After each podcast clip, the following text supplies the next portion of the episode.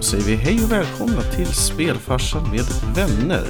Idag prata E3 och eh, våra tankar, idéer och reflektioner om det gångna eventet. Eh, normalt sett så brukar ju vi eh, prata lite nyheter och så, men i och med att eh, det bara blir nyheter nu så kommer vi att lämna den biten och gå raskt på vad vi dricker istället. Så att jag tror nog att Linda har något riktigt smarrigt i glaset idag. Ja, det har jag ju. Den heter Busig och är mm. en av Ramlösas nya smaker tror jag. Jaha. Ja. Vad fick du för att säga det där då? Det tänker jag inte avslöja. Men tillräckligt mycket. Busigt i glaset alltså. Mm -hmm, mm -hmm. Det är kanske en sån där grej som faktiskt låter roligare än vad det är. Det, låter... ja, det, är inte, det är inte alls kul, för det smakar faktiskt inte gott alls. Jag, jag tänkte säga att det låter lite som hemkört och polkagrisar eller någonting sånt. Mm. Helt ärligt så hällde jag faktiskt ut, jag drack lite grann av det för det är bubbligt. Jag hällde oh. ut eh, hälften efter ett tag och fyllde på med vanligt vatten. Så att jag dricker kranvatten. Så, Busigt kranvatten. Två bubblor av fem i. ja, knappt. Det känns ju bra att jag kontrar med Mango Breezers. Oh. Mm. Och, det är eh, sommar. För att ge lite visuellt värde så är den härligt gul som en mango, eller? Mm. Är mango gul? Den är gul. Ja, på insidan är den väl det. Och vi är alla gula på insidan. Ja. Ja, vad härligt. Visst är det. Så jag ger mig själv tre bubblor av två. Mm. Då så. Mm. Själv så är jag inte lika busig utan jag kör faktiskt vanligt vatten idag. Egentligen ingen bra anledning mer att jag ätit hemmagjord pizza nu ikväll och jag är så jädrigt törstig för det har varit lite mycket salt på den. Så har vi slagit över till någon nykterhetspodd och ni inte har sagt något mig? Precis. Jag har, faktiskt, jag har en backup-dricka här som är en Oppigårds New Sweden IPA. Okej, okay, men det, inte, det, jag, har inte riktigt, jag har inte smakat den. Den är, den är öppnad men den är eh, osmakad än så länge. Då känns det bra igen. Känns ja. Mm. Annars blir det mm. frikyrkligt, men det är en annan podd. Helt annan. ja, men jag kan mycket om det. Det är ja. intressant. Vi, mm. vi, vi, kan ha det i åtanke. Mm, vi hade ju vårt religiösa program. Mm. Men det var inte riktigt det vi skulle prata om idag. Nej, nu är det en annan religiös mässa av ett slag. En sak som jag tror faktiskt vi kanske aldrig har sagt. Vi har ju kört E3 nu, det här är inte första gången. Men jag tror aldrig vi har sagt vad det faktiskt står för. Har vi det? Mm, så vad har står det för då? Har vi inte gjort det någon gång? Jag tror det står för Electronic Entertainment Expo eller något sånt där. Precis. Ja, exakt. Och det körs ju i LA, tror jag det är. Yes. Och eh, har varit i Vegas vid ett tillfälle eller två. Jag tror bara där mm. en eller två gånger. Mm. Folk verkar eh, trivas bäst i LA. Jag förstår det, därför är det så... Ja, jag vet inte. Det är få saker som lyckas bra i Vegas. Jag tänker på allt från e-sport till allt möjligt. Jag vet inte riktigt vad det är, men det är väl att det är dyrt eller någonting i den stilen. Elvis. Rest my mm. Elvis, ja. Yes. Han fungerade i Vegas. Mm. Mm. mm. Vegas är ju härligt. Konstigt ja. men härligt. Det, det, jag tror att just fångar in det, det är konstigt. Och det är kanske mm. det som inte funkade för E3 då, så att de, de provade det och sen så, så blev det inte så mycket mer. Mm. Men äh, det är en, en liten sån här dröm som jag har att någon gång vara en besökare på E3. Det vore coolt. Mm. Ja. Nu när man kan dyka upp som dödlig liksom. Man får ju dock eh, lägga undan en liten slant i alla fall med tanke på att de vanliga biljetterna gick loss på 1000 dollar i år. Precis. Ni får helt enkelt se till att spelfarsan med vänner blir inbjuden. Snart. Snart. Men jag tror att det också är för att det har... Det där hypen har ju gått lite upp och ner. För från början var ju E3 bara för branschfolk. Mm. Och sen så när, eh, i och med nätet och tillgängligheten och så, så var det inte riktigt samma grej med att bara släppa på E3. Utan eh, det började urvattnas lite grann och folk funderade på egna grejer och sånt där. Så det, jag tror det var där någonstans som de började släppa på allmänheten för att få lite ny hype. Och kanske in lite mer pengar också. Ska man vara helt ärlig så, så sent som förra året så kändes det som att det var ett sådär event med tanke på att mycket läcker ju också liksom innan själva E3 börjar. Och då blir det mer att man upprepar saker som man redan vet. Men i år så tyckte jag att de faktiskt var ganska duktiga med att släppa lite överraskningar och nyheter. Och mycket, mycket fler spel också. Vilket Mm. Ja men verkligen. Förra året var ju någon slags så här, det kändes ju verkligen som ett mellankonsoler-år. Mm, För mm. att det fanns ingenting riktigt coolt som man kunde presentera. Nej, och, och de coola sakerna kändes som att så här, de låg en bit fram. Ja, precis. Det fanns liksom inget så här, ja, men det här kommer släppas nästa år till den här konsolen, vi vet det. Utan det var mer så här, det här är vårt koncept. Mm. Exakt, och mycket coola tankar. Och det var mycket av de här, det kan man ju ta redan nu så behöver man inte gå in på spel, men just de här tjänstegrejerna var en sak förra året. Liksom, vi ska ha de här, du skapar ett konto och så får du access till massa saker. Det är också alltid lite fluffiga begrepp innan de väl finns. Och då finns det ju liksom ingenting där då, utan det är mer en, en känsla. Så här, vi har en vision av att om du betalar så här så mycket kommer du få AAA games tillgängligt. Och så här, "Ha, vilka är det då? Nej, men det vet vi inte. Det vet vi inte. Och det, är- det är absolut en cool grej och det börjar ju liksom höra till därför att det hör till så mycket annat idag. Japp. Men att ha en hel mässa som handlar om, om det istället för spelen som vi kommer ha de här accesserna till eller de Exakt. extra grejerna till blir ju väldigt urvattnat. Eller de kanske haft det i Vegas då. Typ så. Mm. Där är visioner. Ja, precis. Man kommer dit med en dröm. Det är det jag gillar med de flesta indiespel, att där har du ju en färdig produkt. Utan det är ju sällan som det släpps DLC, sen kan det komma stora patcher och sådana saker. Men oftast är det ju en, är det klart när det är klart. Ja. Liksom. Jag tror att just med indiespel så går det nästan inte att inte komma med någonting. För att de har så mycket mindre chanser och mindre exponering. Så att Ja. om de bara kommer med en skön idé så kanske det var deras enda chans att få exponering. Det är så himla, och- det är ju, och så är det ju, det är ju livet. Men det är så himla orättvist för jag tycker ju att indiespel är de som är coolast att de har inte, de måste ju hävda sig, de måste ju ha en bra produkt för att komma ut. Medan alla de här stora AAA-titlarna som presenteras av de här stora företagen på eh, E3, de behöver inte göra så mycket. De kan luta sig tillbaka och säga så här, det här är vår vision, det här Precis. kommer att bli bra. Och sen så älskar ju folk det.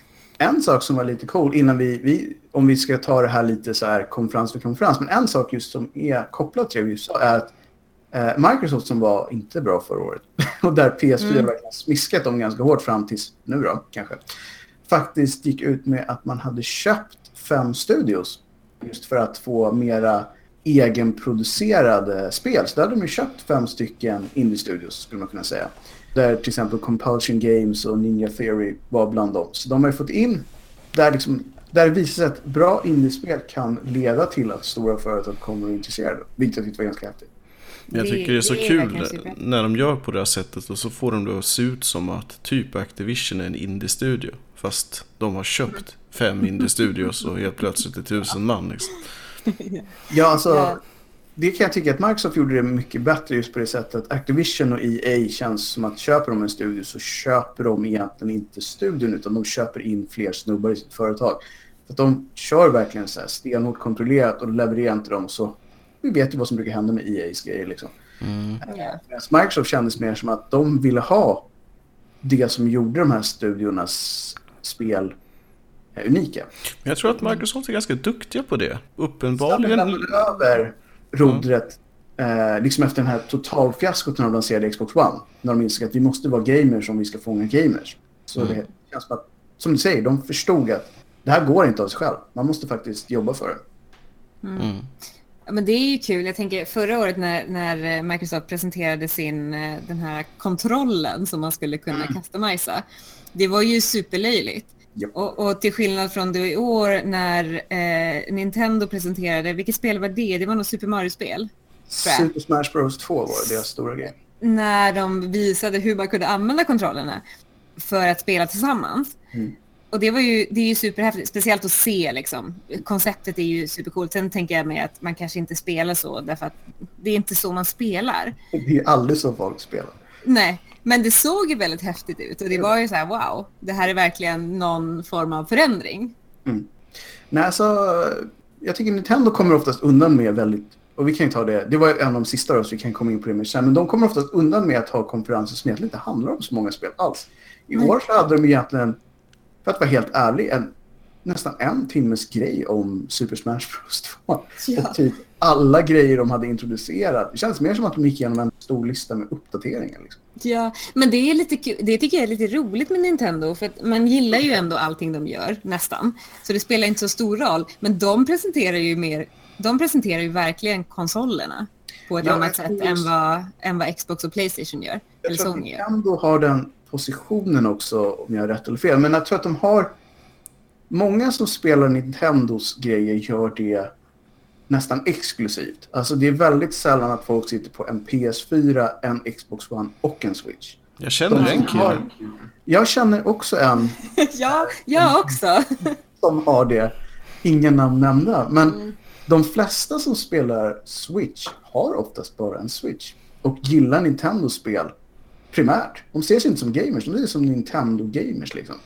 Ja. Men det där är väl med religionen igen. De kommer in Ja. med fanboys och alltihopa det här. Precis, Men- jag tror jag, en rest från den tiden när det verkligen var så med Nintendo. Det var lite kult. Så här. Man gillade dem. Men sen Mm. tror jag också att Nintendo är ju också lite mer nu för tiden i alla fall. Det här med kvalitet över kvantitet och hela den där biten.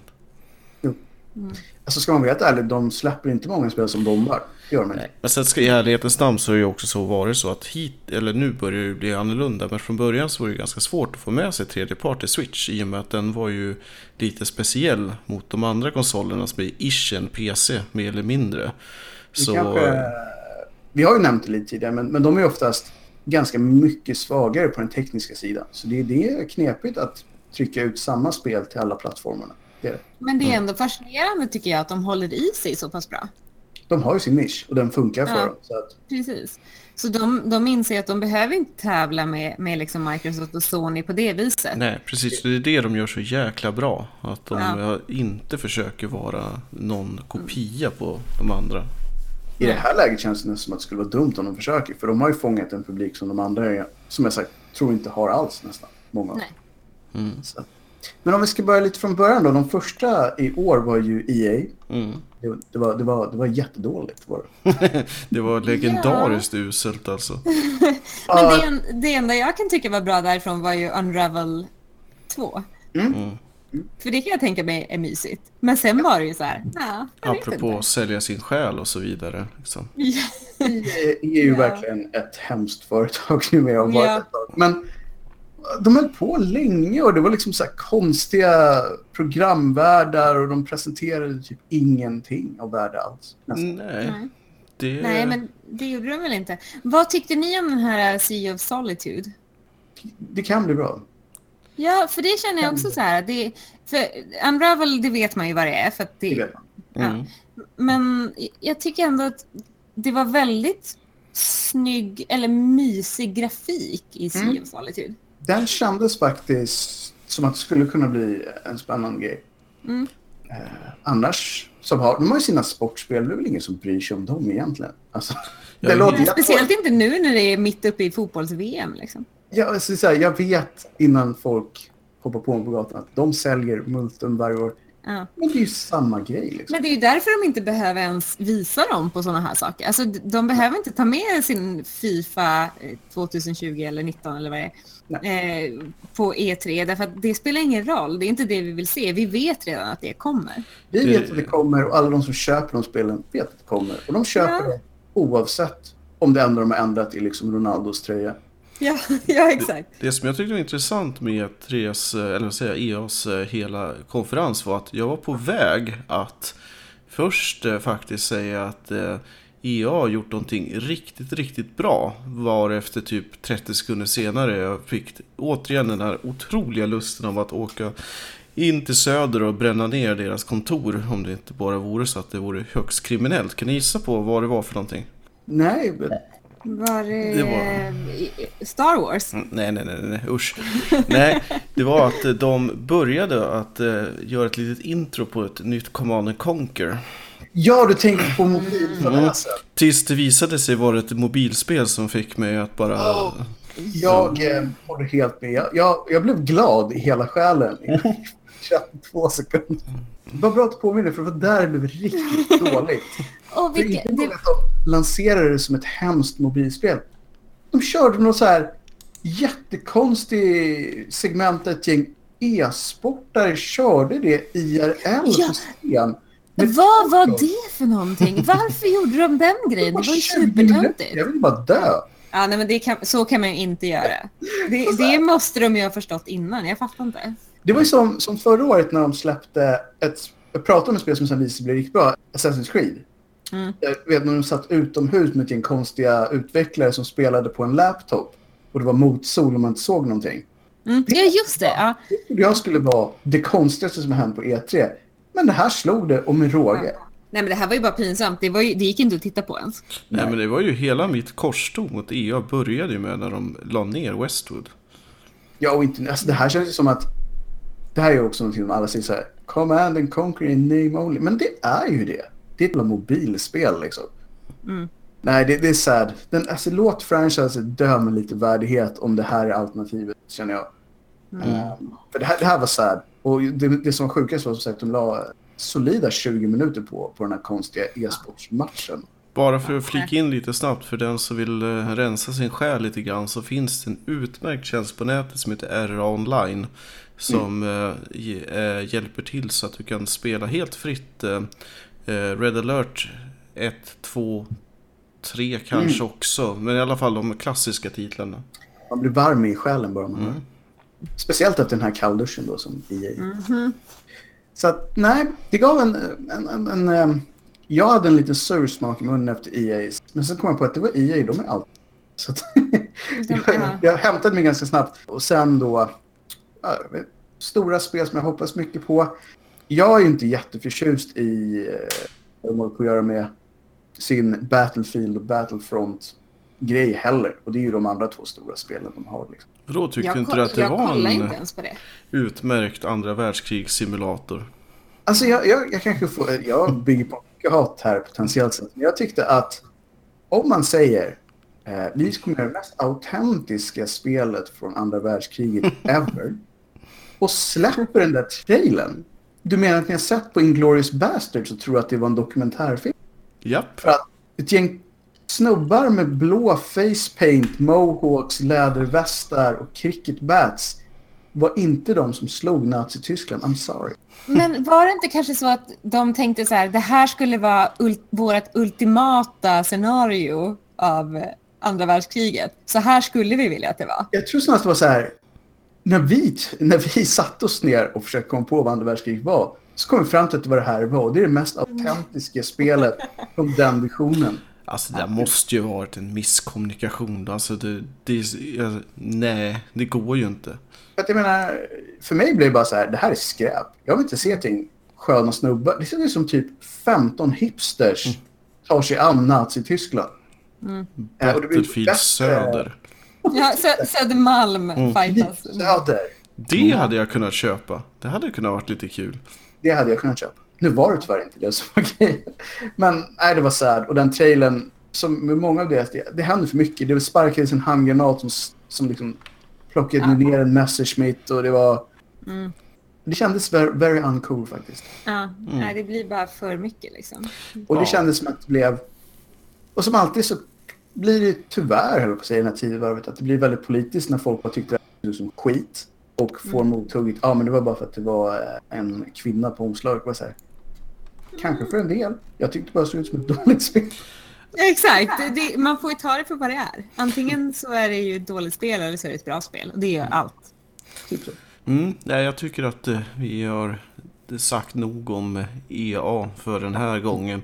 Det också skulle vara intressant om det är någon där ute nu som är sjukligt fan av allt vad EA gör så hör gärna av er. Mer än gärna skulle jag diskutera det här med någon som brinner för det här. Då hör ni av er till spelfarsan och, och pratar Så med ska vi snacka om det. Exakt. I, inte till vänner. Inte till vänner som sa de här grejerna. Nej, men, men, men absolut. Har sagt, de fick tillräckligt mycket rampljus i podden så jag tycker vi, vi smyger vidare till Microsoft för att de hade en redemption. Mm, Ja, de gjorde ja. en bra show. Mm. Ja, jag blev men- jätte, jätteförvånad faktiskt. För än så länge har de fått stor stryk av PS4 den här generationen. Det känns som att de vet det. Så nu, nu tar de tag i det. Mm. Och deras punchline, det var en 50 spel de visade under sin show tror jag. Det var en hel del verkligen. Eh, och visst, jag, jag eh, såg väl ett dussin av dem som kommer alltså släppas på alla plattformar för all del. Men även om man tar bort dem, så var det en jäkla massa spel som skulle komma till, till deras eh, plattform då. Plus att de har köpt fem eh, indie-studios som ska producera spel då enbart för deras konsol primärt. Så det, det, var, det var coolt att se. Och det var en del riktigt, riktigt lovande spel i, i den där listan också. Mm. Ja, det var det verkligen. Jag tänker mig det här, vad hette det då? Samurai-spelet. Sekiro.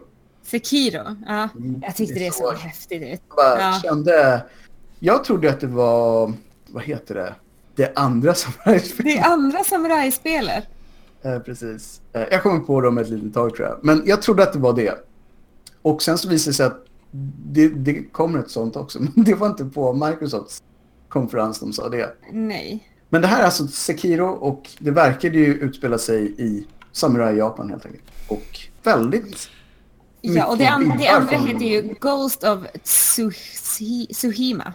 Precis, och sen så Ja. har vi ju ehm, Dark Souls-klonen Japan som också fick en Ja. tvåa.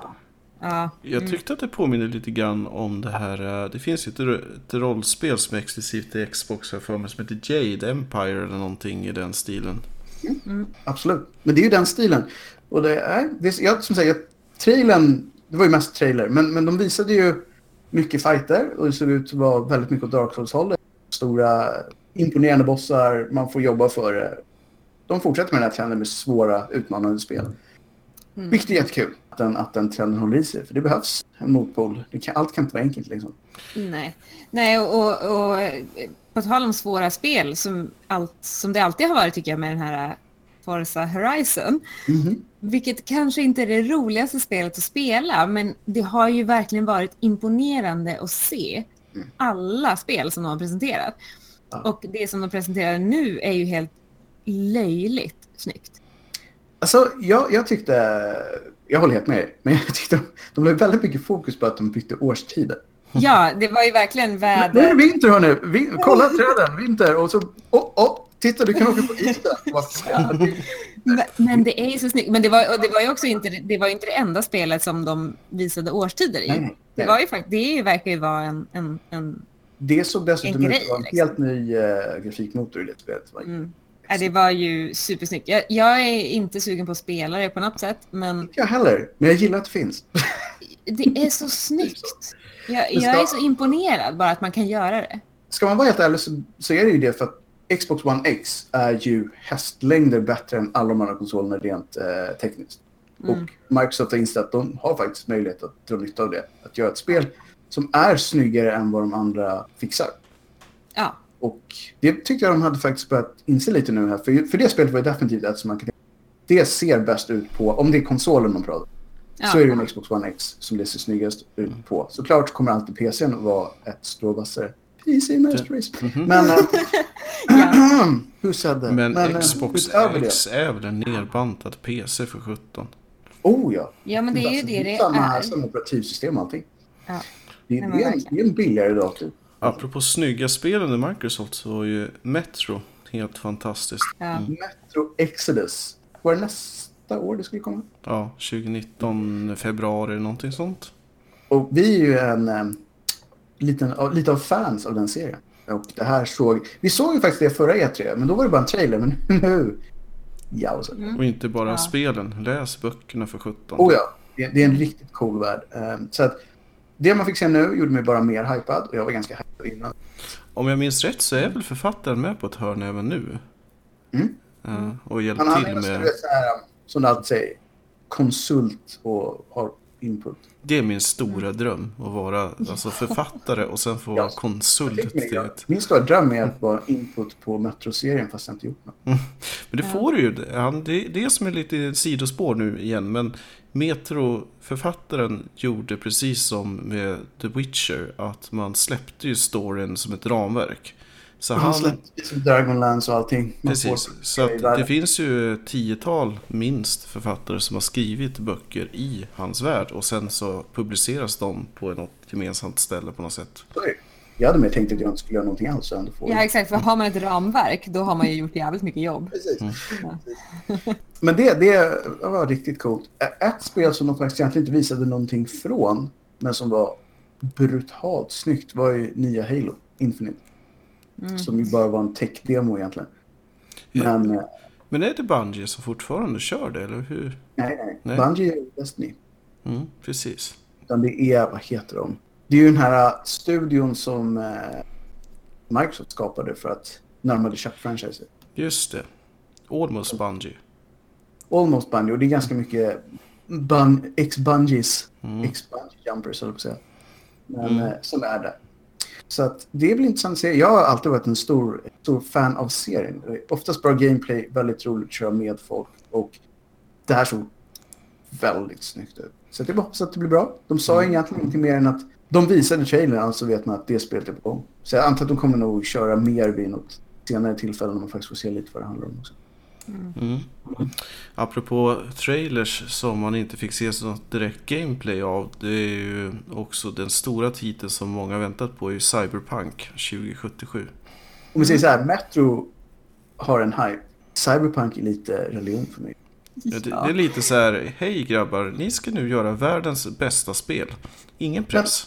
Det som folk inte visste och som visade sig vara fallet här, att det är first person. Mm. Det var ju, alltså, det här är då de som har gjort eh, Witcher-serien. För alla er som inte vet eh, vilka det är som gör det här.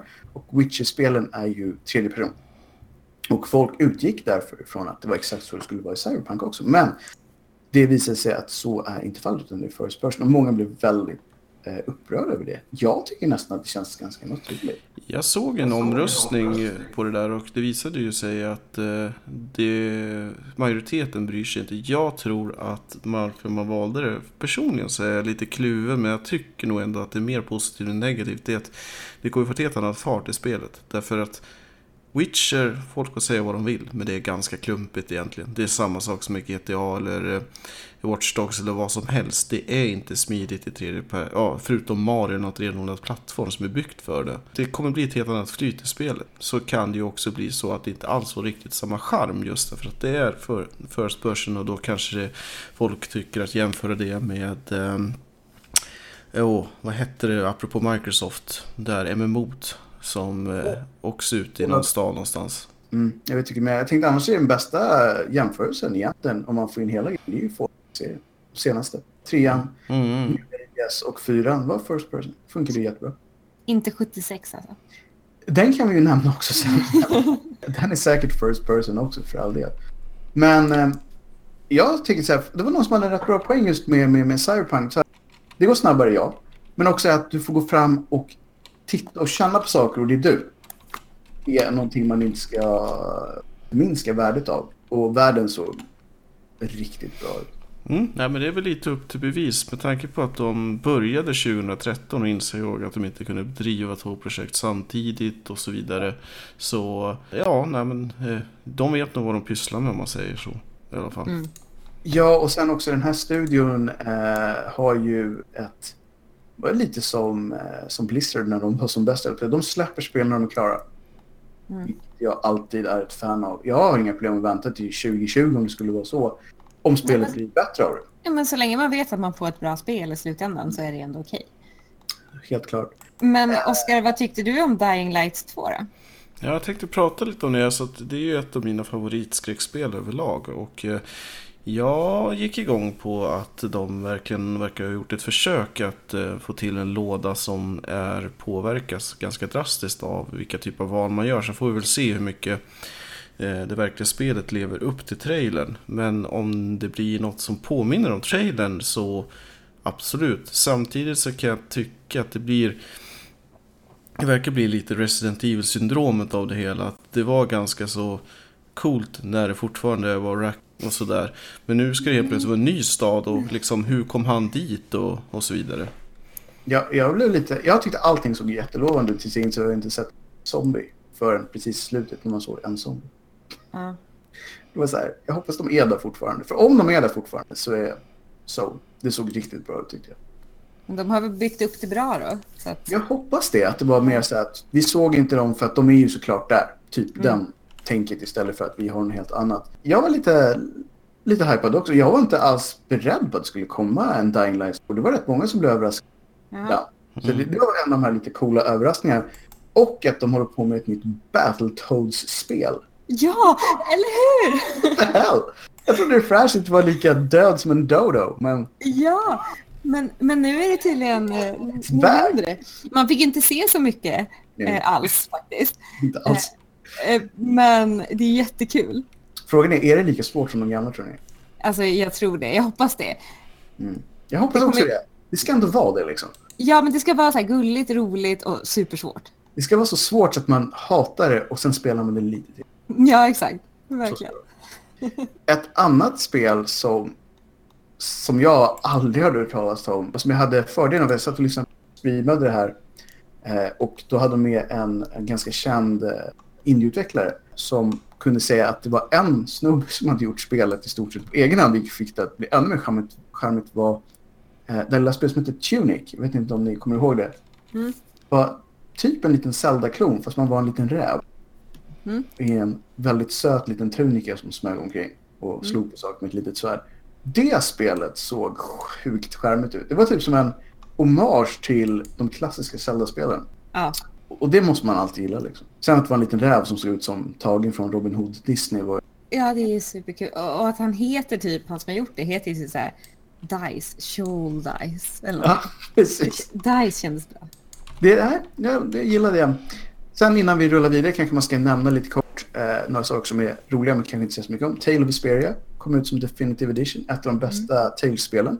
Alltid positivt. Sea of Thieves får lite material. Alltid bra. Det är faktiskt bra. Devil May Eh, Cry. Devil May Cry 5 såg riktigt nice ut. Jag är ett stort fan av den serien. Har jag berättat om min eh, klasskompis när jag gick på gymnasiet? Som var lite religiös, tror jag. Okej. Eh, han älskade typ Silent Hill och de titlarna. Men han spelade, han vägrade spela Devil May Cry. För att han tyckte att det var för mycket antikrist. Så då tyckte du att han skulle spela Dom istället? ja, vilket han antagligen gjorde. Det var just för att det hette Devil May Cry tror jag. Jag gillar ju. Alltså visst, jag gillar ikonografin i den serien. Men, Mm. men egentligen är de ju... Nej, men det är ju... Det är ju rör sig i de kretsarna än att de har ett religiöst budskap. Så. här. Ja, vilket alla spel har lite grann nu för tiden. Men jag hoppas att det blir bra. Alltså Devil May Cry, de spelen har alltid varit ganska bra. Eller riktigt bra. Det som kom senast som bara hette typ DMC eller något sådär. Mm. Fick ju väldigt många hardcore-fans. Tyckte inte om det för att han såg helt annorlunda ut. Jag tyckte det var ett fantastiskt bra spel. För kontrollerna var perfekta. Man kunde köra det på väldigt många olika svårighetsgrader. och så vidare. Att För mig som inte bryr mig så mycket om loren och hur snubben Dante ser ut. Och så här, eh, det var ett bra spel. Det här var ju mer den klassiska tidslinjen. Fast med bra gameplay från det så. så att, Skulle man inte vilja spela det på grund av titeln så kan man ju an- annars spela Bayonetta istället. Absolut. Mm. Absolut. Same same but different. Och vad det hette också, det är The Division som faktiskt också utannonserade Division 2. Jag, jag var inget fan av det första. Det här skulle, jag ska vara helt ärlig. De som gillar Division tror jag kommer bli helt sakliga på tvåan. För det ut som det var ungefär samma fast mer. Är inte det lite för folk som tycker att Call of Duty är ett roligt spel? Men det kändes lite som det. Gillar du Division så tror jag Division är up your alley. Men för de som tyckte att... För mig kändes det, och det är också så här lite harsh, men för mig kändes det som ett uppsminkat shooting gallery. Mm. Man gjorde samma sak hela tiden och gör man det så måste det i så fall vara så kul att man inte har något problem att göra det hela tiden. I Division kändes det lite så här, ah, det var inte så kul efter några timmar. Och när man då har byggt hela sitt gameplay på det så det finns jättemånga som har kört det sedan det kom ut, men för mig kändes det fem, sex timmar som något roligt. Mm. Mm. Det var Microsoft va? Eller har vi ytterligare något? Fallout 76, men det kan vi ta upp när vi kör lite Bethesda-grejer och sådär Precis, också. jag tänkte nästan att vi tar dem som en Yes. separat avdelning. Så vi Eh. hoppar väl på det på en gång, eller? En sista mention. Skateboardspelet som inte var skatefri. Ja! Just det. Ja. Sessions. Vad hette det? Sessions ja. Oh, ja, gud ja. Det var, alltså det var så kul att se, jag kollade på chattfönstret för eh, streamen och folk bara ah det är Skate 4! Och så här, tusentals likes och smileys och happy faces och sen så var det inte Skate. Och alla bara, ah, men det här spelet är ju skit, vad är det här? Det här gillar vi inte. Det är så många som älskar just Skate-brandet. Så att de blev nästan personligt förolämpade att det inte var det franchiset. Fast spelet i sig såg exakt likadant ut som ett skatespel. Det kanske har just med licensgrejer att göra. Ja, det var det jag tänkte också. Det är så här, varför blev ni haters? Spelet såg ju fantastiskt ut. Ja, Skrev du det då? Det har varit Men, intressant. men, men jag personligen tyckte så här, vad fan, spelar roll vad det heter. Det såg ut som ett solidt skatespel och det behövs. Det var länge sedan det kom ett sånt. Mm. Exakt. Annars kan man alltid spela Tony Hawk 2. Det är perfekt. Oh ja, mycket bra. Mycket bra. Tony Hawk har ju ett ganska roligt Twitterkonto. Mm, By the by. Ja. värt att nämna. Sista grejen jag vill nämna innan vi går vidare. Gears of War 5. Men 5 såg faktiskt ganska intressant ut rent storymässigt. Och sen är det ju såklart jättesnyggt, men det är allt. Vi får väl Vad, se. var här, vad var det här Gears Tactics? Ja, eh, de har ju tre Gears-spel. Det kanske vi ska nämna också. Jag Gears Pop. Pop. Jag, jag vet inte ens vad de här popspelen är för någonting. Det ser ut som en bunch of garbage om jag ska vara helt ärlig. Men eh, Gears Tactics är, om det blir så bra som det kan vara tror jag, typ som Mario Rabbids fast Gears. Det vill säga en light-version av XCOM. För att det verkar inte riktigt lika djupt som XCOM, men det verkade, om allting blir så bra som det kan bli, typ som ett Rabbids. Lite lättare, lite mer lättillgängligt. Mm. Så det är det jag hoppas på. Mm. Ja, ja, då får vi se om vi hittar någon brödrost när det väl kommer ut då. Alltid en brödrost. Mm. Bethesda. Vad ska man säga? De, de hade ju redan outat ett av sina spel som var Fallout 76. Eh, och det gjorde de typ en vecka tror jag, innan eh, E3. Där de hade haft en stream på sin kanal i eh, 48 timmar tror jag. Där de bara gick in och ändrade klockan lite då och då och ställde ut lite saker. Och sen så visade de en trailer som egentligen inte sa någonting. Vilket ju var så här, Åh! och sen, vänta lite, vi vet ingenting. Fallout 76 handlar alltså om ett av de här valven, ett av de få valven som inte var ett socialt experiment, utan ett av de som faktiskt till för att folk bara skulle överleva apokalypsen. Och det verkade som att det är en prequel, det vill säga att de kom ut ur det här valvet 200 år före alla andra Fallout-spel som har släppts tidigare. Vilket då gör att de kan egentligen inte vad som helst. För att alla de som är med i den här har hunnit dö långt innan första av de traditionella spelen. Och det visar sig ganska snabbt att det inte är ett traditionellt Fallout-spel utan att, inte ett MMO men en MMO-like. Eh, Det vill säga att alla karaktärer är kontrollerade av människor. Och att man bygger saker. Man verkar ha en mobil bas som man åker runt med eh, i ödemarken och bygger eh, society. Mm. Det är ju intressant. Få som har lyckats med den grejen. ingen som har lyckats med det, skulle jag säga. Men idén i sig är ju alltid häftig. Det är bara att hoppas att de faktiskt lyckas få till det. För att jag blir väldigt besviken om de inte gör det. För det, Fallout är ett coolt franchise och det vore trist om det blev ett MMO-franchise. Men det är väl den här balanseringen som blir svår. Alltså, jag skulle i och för sig inte ha något emot om de kunde splitta på det. Alltså jättegärna fortsätta med single player Fallout. Men alltså, det är klart att man skulle kunna göra ett schysst MMO baserat på Fallout. World of Fallout. Typ. Det är just det att grejen är, som de, det gjorde mig lite så här, det var mycket grejer som jag tänkte, där kan vi. Det som jag inte gillade var att man kunde inte ha sina exklusiva lobbys eller exklusiva servrar så att immersion kommer bli ett jätteproblem. För att om jag sitter och spelar och lever mig in här och sen så kommer du in och du bestämmer dig för att dansa samba bakom ryggen på mig. Mm. Det, jag kommer inte kunna leva mig in i det här. jag måste bara göra det här. Alltså, det låter ju Alltså om det valet finns, Mm. då kommer jag börja spela det här spelet känner jag. Spela bongo liksom. Ja. nej, kommer ett kongatåg bakom dig och massa med bara, nu biter vi ihop. Vi måste hålla alla zombies på. Oscar, kan, kan, kan, Nu slutar vi. kan du sluta dansa där? Det är World of Det är Warcraft all over again. ja, men då, det här är ett spel för mig känner jag. Och det var lite det som jag kände att det, det kan bli ett problem. Det där. Eller Det- griefers som bara dyker upp så fort man kommer in. Bara! Jag Ja. ska bara skjuta dig alltid. Gud vad kul det blir. Om man ska se lite positivt skulle det ju kunna bli något eh, åt Planet Side till exempel. Problemet med, med det är att Planside är ju väldigt enkelspårigt i vad du vill få ut. Fallout har ju ett enormt universum. Och det känns som att det, det blir en svår balansgång. Eh, jag hoppas att de lyckas med det. Just att de faktiskt, att det här, men det gillade jag. De sa att det här är ett experiment vi vill göra. Vi vill prova en ny grej. Mm. Det kommer komma fler traditionella Fallout-spel i huvudserien. Och det ger ju dem lite mer utrymme att faktiskt testa nya saker. Jo, men det var det jag precis tänkte säga. Att liksom A for effort. Alltså. Helt klart. våga prova något nytt. Men om vi ska ta någonting som faktiskt verkligen är en riktig eh, arena shooter så måste man ju prata om Quake Champions. Det måste man. Det är ju ett modernt Quake 3 egentligen. Ja. Quake 3 var ju pretty good. Eller Quake 3 Rocket Arena om man ska ta någonting som var riktigt bra. Men eh, alltså, de har ju då plockat in allt det här med klasser och det är ditten och datten och allt vad det nu är. Och stor Quake-fan som man är så är det väl...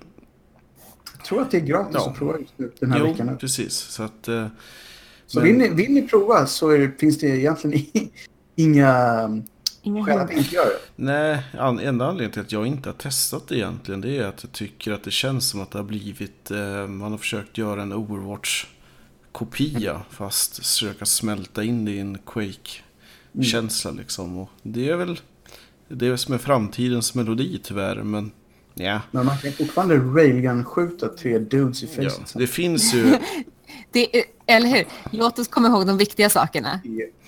det finns, nu kommer jag inte ihåg vad det heter, men det finns ju ett indie-variant av Quake 3 som är riktigt bra som kom ut nyligen som är free to play. Men ja, vi får se, vi får se. Det, det är väl alltid kul om Quake kan hänga kvar som ett franchise överlag. Klart. Jag, jag känner ju likadant för Doom. Mm. Jag tycker att Doom ska vara taskig grafik. Men det kan vi nämna Doom... Nu blir det inte Doom 2. Doom 2 finns ju redan. Det är det som är så jobbigt när man gör Ja. re- franchise. För både Doom och Doom 2 finns ju egentligen. Men Nu Doom- heter den Eternal. Ja, och jag fick ett... Det var många som bara, "Ah, varför har ett jävla namn här? Men de förklarade det väldigt bra via ett tweet någonstans att Doom som kom 2016 kallas det på åratalet för det är det enda sättet att spela var. De ville komma bort från det. Så att därför sätter de på de här andra namnen. Så att det egentligen är det Doom på alla sätt. Spelmässigt, storymässigt så är det Doom 2. Men som det finns ett Doom 2 så sätter vi på det här. Och det köper jag. För det, det gör det faktiskt enklare att hålla isär spelen. Eh, och det är liksom inte en ny reboot, utan det, det är en fortsättning. Jo, men det jag- ligger ju fortfarande i tiden och gör remakes på allt. Så att eh, varför inte? ja. Och Rage 2. Där har vi däremot någonting som jag är riktigt sugen på. Japp. Jag hoppas verkligen att de får till en bättre värld den här gången. Det var det enda negativa egentligen att säga om Rage. Att det kändes Ja. lite tomt. Problemet var ju egentligen att eh, Rage 1 är ju ett väldigt stympat spel. Det, de erkände ju det ett par år senare att, att det är så tomt och så lite för att de fick slut på tid. Det var jättemycket grejer som de hade tänkt att göra och få den för. Så att det, är där- det är därför det känns så öde många gånger. Ja, vill man ha ett spel redan nu som är åt det hållet så är det ju Max... Eh, inte Max Payne, Nej, det är också ett bra spel. Men jag tänker på... Mad Max. Precis. Som ju är åt det hållet helt. Mm. Eh, jag tyckte inte trailern var något vidare bra. Men allting jag såg i själva spelet såg väldigt lovande ut. Jag gillade låten. Låten var mycket bra också. Mm. Så att, nej, Så kommer, flesta hade väl överlag eh, ganska bra. ja, så kommer det ju förstås. De släppte ju den stora bomben att eh, Elder Scrolls 6 är på gång. Och på gång pratar vi fem år kanske. Ja, man fick inte se så mycket. Men det man fick se var ju ganska fint. Men jag, jag är så sjukt nöjd över att den ens är på gång med tanke på att de har Elder Scrolls Online. Men jag tänkte bara, det går så pass bra, för det går riktigt bra. Jag tänkte det kommer aldrig komma fler. Det fanns egentligen ingen anledning att göra fler single play-spel. Nu vet Var det inte Elder Scrolls som de gjorde också någon mobil variant av? De, det är väl sättet som allting, de gör fler, de branchar ut liksom. Ja. Elder Scrolls Online är ju deras stora Elder Scrolls-grej just nu och den håller de ju på och, jag tror någon, jag tror att de har en expansion på gång till den som är de här typ stället där alverna hänger. Det, det säger rätt mycket om hur mycket jag kört just. Men eh, jag tror att det är det som är på just nu. I, i MMO-biten så att säga. Ja, annars så är det ju nya Wolfenstein som är på gång då. Eh, Ja, och här, em, den stora grejen här, och det, vet- det är säkert en del, men jag tyckte det var coolt. Man kommer kunna köra eh, co-op, Mm. med tanke på att de sa att huvudpersonerna är BJ Blazkowicz två döttrar. Ja, just det. Ganska Mm. långt fram i tiden, det var typ 20 år senare än... det är så här eh, 80-tal eller någonting. Ja, precis. Jag är helt för det. Eh, Ja. storyn i alla de nya helt fantastisk. Mm. Och bra gameplay. Ja, nej, men det såg verkligen fint ut. Det är så tragiskt och fint på något sätt. Mm. Mörkt, tragiskt, motigt. Det är för att tolka ett annat jättedåligt spel från ETC. Dark Times. mhm. Man hör bara på namnet. Ja, men här är på ett bra sätt. Ja. ja. Jag, jag tror att det blir jättebra. Ja, de, har för, de har förtjänat förtroendet nu tycker jag med två, so, tre solida Wolfenstein-spel sedan de rebootade den. Mm. Så att om de inte gör något katastrofalt med liksom hela formen så tror jag att det kommer gå jättebra. Mm. Då tycker jag att vi hoppar vidare till Squeenix då. Och där sätter vi stopp för del 1 av 2 i vår miniserie om E3 2018. Tack och hej.